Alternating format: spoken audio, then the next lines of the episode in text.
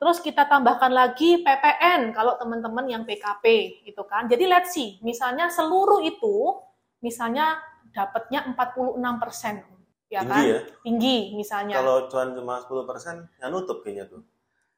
ya udah, cuman Ya. tinggal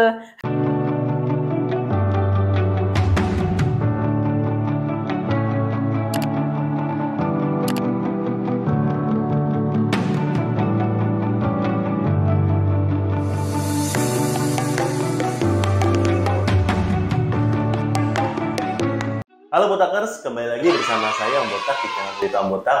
Buat teman-teman yang belum jadi Botakers, segera join ya.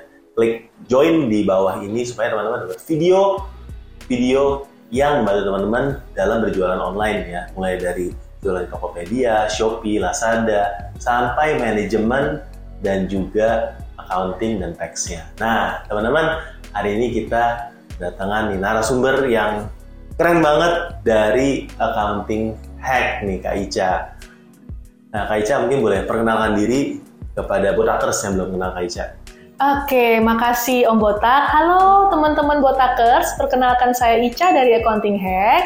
Eh, saya akuntan yang sudah 12 tahun berprofesi sebagai akuntan. Jadi di sini kita mau sharing-sharing nih tentang aspek-aspek pembukuan yang tepat sehingga tujuannya teman-teman Botakers di sini bisa memiliki laporan keuangan yang rapi dan terpercaya. Kurang lebih gitu ya Om Botak ya tujuan kita pada kesempatan kali ini.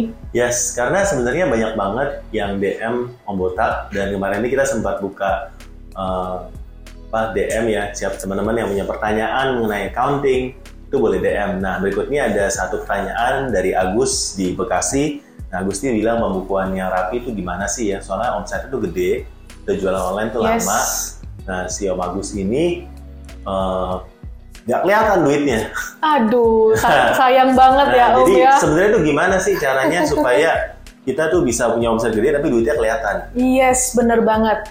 Eh, cerita yang sama juga banyak Om. Kebetulan kita kan eh, di kantor konsultannya Accounting Hack itu handle kurang lebih 50% klien kita itu adalah online seller. Oh, Hampir 50%. Hampir 50% Om. Jadi Wow, ya. Jadi itu merupakan permasalahan yang umum terjadi, Ya. klasik ya, banyak orang yang seperti itu. Nah, kalau dari pengamatan saya itu karena mereka melakukan lima kesalahan basic yang sering dilakukan oleh perusahaan pemula. Yang pertama adalah eh, mereka ber- masih mencampur ya antara rekening pribadi dengan rekening bisnis. Ya. Nah ini fatal om. Jadi eh, uang bisnis masuk gitu ya di rekening itu. Terus nanti ada pengeluaran untuk keperluan pribadi, misal untuk liburan, untuk sekolah anak, untuk macam-macam kebutuhan pribadi. Nah itu menggerus uang dari bisnis, jadi tidak ada pemisahan. ya. Nah, padahal seharusnya apabila terpisah, memang owner ini berhak untuk mendapatkan bagi hasil. Pasti karena dia kerja kan gitu. Nah, itu tapi bagi hasil harus ada proporsinya, Om. Jangan nggak asal. Jadi eh, setelah bagi hasil itu, saran saya ya, dari laba bersih, makanya teman-teman itu wajib banget untuk bikin laporan laba rugi. Jadi tahu profit bersihnya itu berapa. Nah, biasanya untuk bagi hasil kita itu ambil maksimal hanya di angka 50% Om.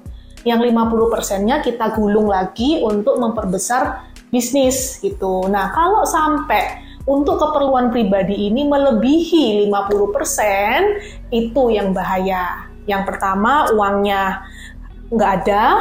Yang kedua, bisnisnya susah untuk berkembang. Itu kesalahan pertama, teman-teman botakers. Yang kedua, sering saya lihat di klien-klien kami, itu adalah tidak memiliki anggaran bulanan. Anggaran bulanan itu penting, Om. Kenapa? Supaya kita bisa punya budget.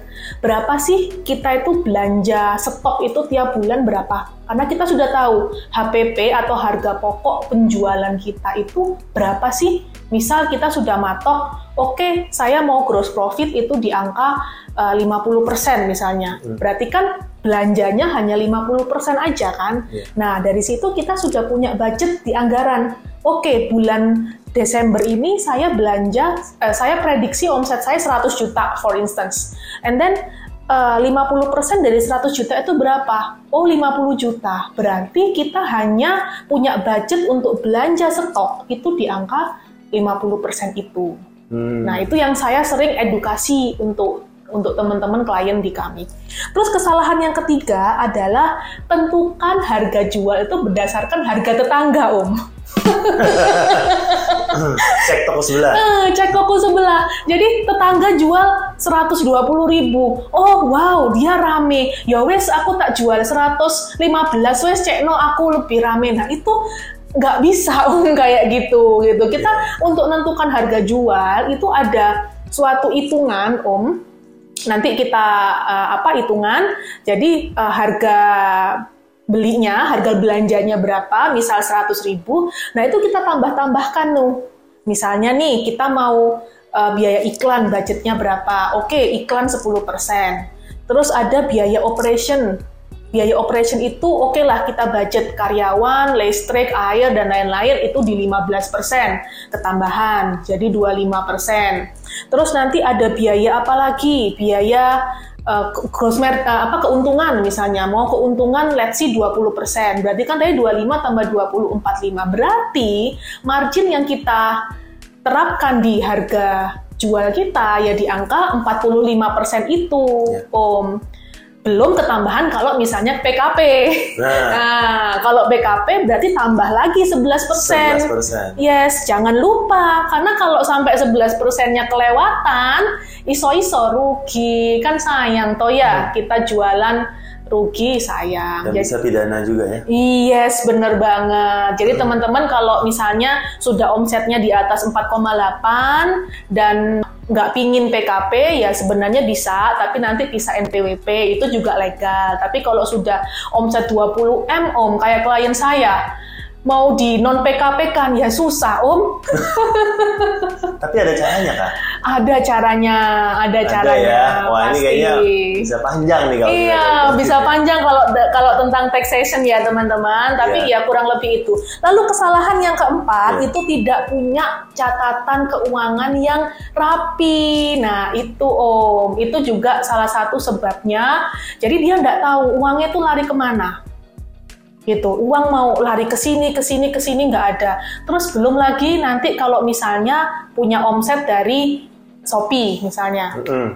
terus dia di, nggak ditarik. Di dompetnya tuh nggak ditarik. Di dompet Shopee nggak ditarik. Langsung dipakai untuk biaya iklan. Nggak nah, boleh gitu. Nggak boleh gitu itu menurut ya boleh-boleh aja terserah kan yang punya teman-teman botakers ya. Tapi kalau yeah. dari sisi accounting saya sangat tidak sarankan. Kenapa? Karena nanti kita tidak bisa kontrol. Yang namanya biaya marketing biaya iklan ini kan harus ada budget. Hmm. nah kalau kita asal seperti itu nanti kita akan kesusahan untuk tahu berapa sih exactly omset kita pada bulan ini pada periode ini kita susah akhirnya rekonsiliasinya juga susah. Hmm. Dan akibatnya ketika kita nanti misalnya nih kena pemeriksaan pajak, kita jadi nggak bisa menunjukkan data eksternal karena orang kalau kena pemeriksaan pajak om itu ada diminta bukti-bukti eksternal entah itu rekening koran entah itu laporan dari Shopee dari pihak ketiga. Laporan Shopee juga bisa diminta sebagai salah satu bukti. Yes, bisa juga diminta. Oh. Laporan marketplace ya itu bisa juga diminta sebagai salah satu bukti. Jadi teman-teman saya sangat sarankan pembukuannya itu sudah mulai dirapikan.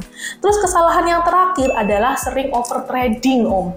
Nah, over trading. over trading, over trading itu kondisi di mana teman-teman ini nggak punya, nggak tahu budget ya. Yeah. Akhirnya belanja pulaan. Kalau dalam Surabayaan pulaan, pulaan kalau ya. di ini pembelian bahan apa pembelian stok terlalu, ya. terlalu ini terlalu gede.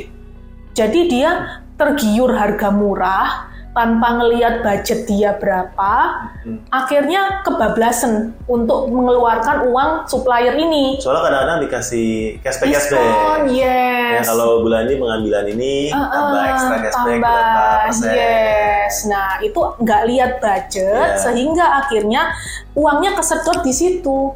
Sementara nanti punya biaya lain-lain lain lagi, akhirnya duitnya nggak ada. Nah itu kan penyebab juga. Jadi kurang lebih Iya, iya. eh, teman-teman saya eh, sangat sarankan yuk kita rapikan mulai sekarang untuk laporan keuangannya. Seperti itu kira-kira Om. Kalau misalnya untuk ini dari pertanyaan lainnya ya, ini pertanyaan dari uh, DM juga berikutnya.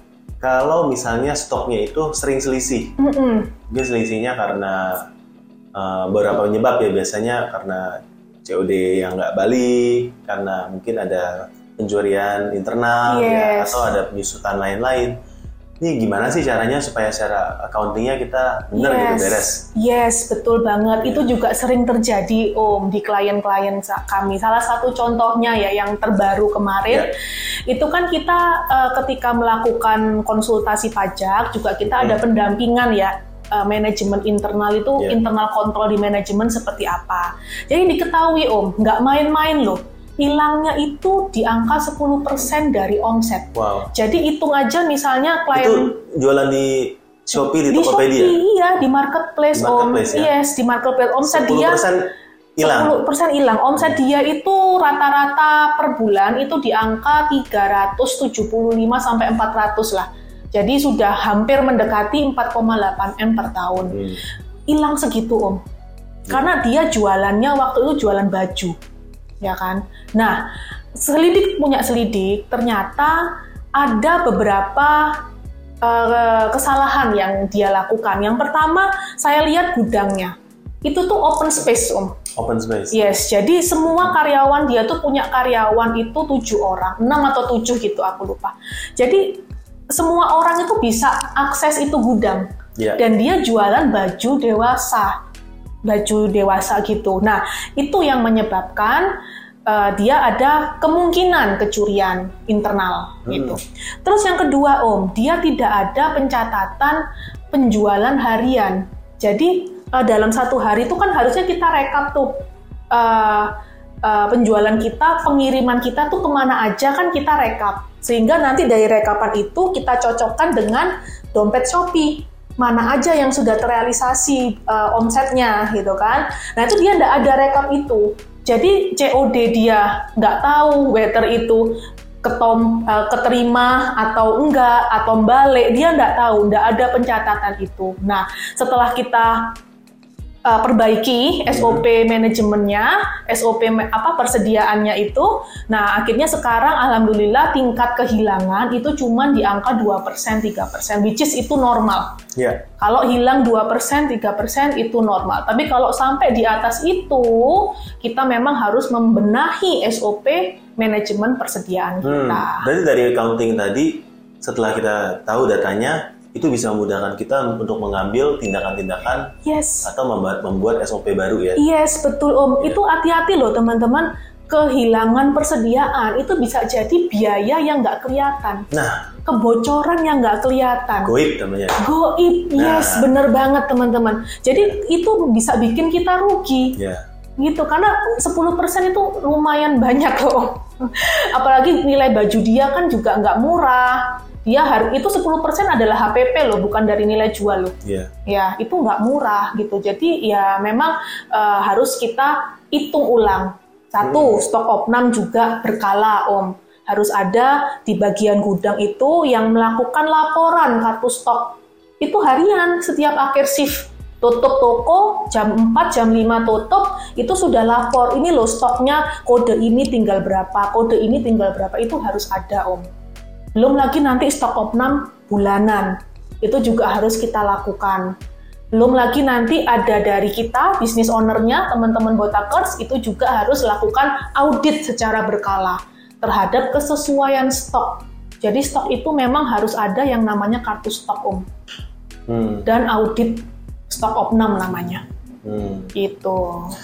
Nah, mengenai hitungan harga jual, ini kan erat kaitannya dengan eh, cara kita dapat profit atau enggak, Yes. cuan atau enggak. Yes. Gimana sih cara ngitung harga jual yang benar? Yes. Yang jelas jangan ikut tetangga ya teman-teman botakers ya. Yang penting termurah. Yang penting termurah jangan dong. Nanti kita nanti kita bisa Yang kena paketnya banyak. aduh aduh Bisa aduh flexing. aduh aduh aduh aduh nah terus nanti kita in the end kayaknya kerja bakti gitu kita kan Iya. kerja pingin dapat cuan ya Nah, Om ya cuan. nah cara yang paling gampang itu cuman eh, teman-teman hitung ya harga belinya berapa, kulaannya berapa. Misal nih, for instance kulaan 100 ribu. Mm. Terus kita tambahin tuh biaya-biaya yang pingin kita bebankan di dalam barang itu, gitu kan. Misal nih, biaya marketing, iklan 10%. Hmm. Biaya eh, operasional itu kita budget 15%. Itu karyawan, biaya listrik, air, wifi, dan kawan-kawan.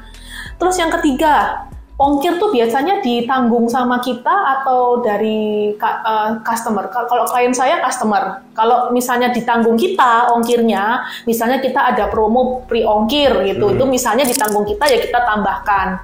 Terus biaya adminnya, marketplace itu berapa kita tambahkan. Terus kita tambahkan lagi PPN kalau teman-teman yang PKP gitu kan. Jadi let's see, misalnya seluruh itu misalnya dapatnya 46%. Ya Tinggi kan? ya? Tinggi misalnya. Kalau cuan cuma 10% nggak nutup kayaknya tuh. Ya udah, cuman Ya. tinggal Yayasan. yayasan sosial ya itu ya teman-teman ya, itu yayasan sosial. Jadi mau buat yayasan atau PT? Ah, pengen buat yayasan atau PT. Jadi teman-teman bener-bener harus hati-hati banget. Kalau cuan cuman 10%, cuman 5%, ya berarti teman-teman harus siap-siap jual volume. Duanya. Jadi cost-nya persentase kecil. Iya, cost Karena itu fix. terut- ya terutama untuk Iya. operational expense itu bakal lebih kecil lagi. Tapi kalau amannya apabila teman-teman cuman omset sebulan 200, 300, ya itu saya percaya 15% pasti. Tapi kalau teman-teman udah punya omset misalnya sebulan let's see uh, satu miliar gitu, kayak salah satu klien saya itu satu tahun 20 m, itu lumayan rendah untuk operational expense-nya dia cuman disampai angka 7% om. 7%. Iya, karena kan harga jual dia mahal-mahal, dia Hmm. jualan elektronik teman-teman. Jadi mahal kan, harga jual aja sudah 100 ke atas, 200 sampai 500 ribu. Jadi ya enggak masalah.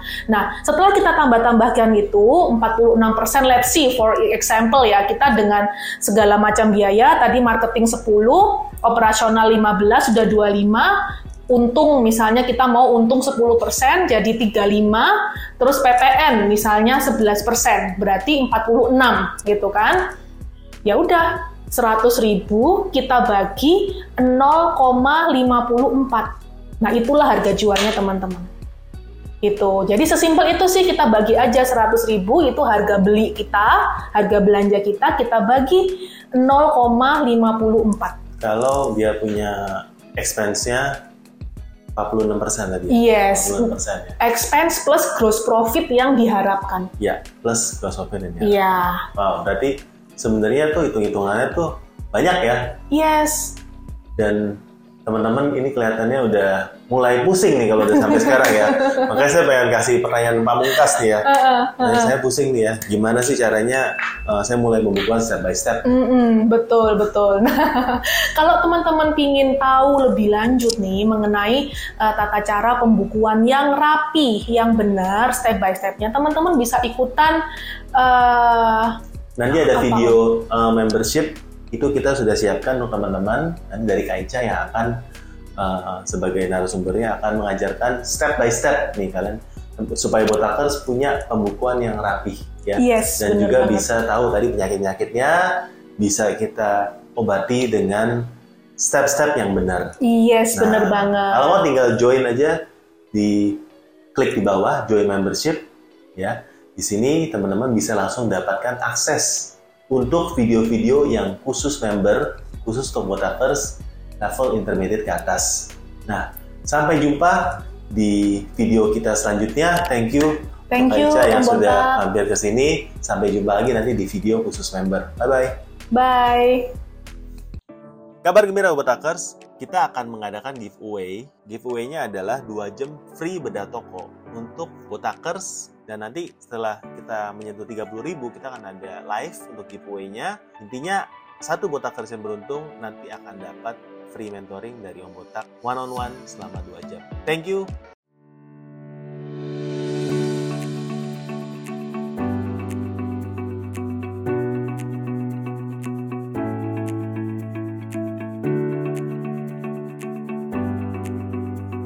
Halo, saya Sony Kurniawan dari Gersik. Untuk acaranya ini keren banget ya untuk marketplace expert class karena di sini kita diajarin detail banget mulai dari basic sampai yang expert. Kesan dua hari ini ikut emisi adalah nambah insight baru, terutama untuk banyak banget fitur-fitur Shopee yang belum aku optimasi. Dua hari selama mengikuti di marketplace expert class, Dua hari ini keren banget. terkulik semua iklan, konversi, Eh, pengalaman dua hari ini itu benar-benar sangat berkesan. Jadi untuk pengalamannya sendiri itu benar-benar tahu apa yang harus dilakukan.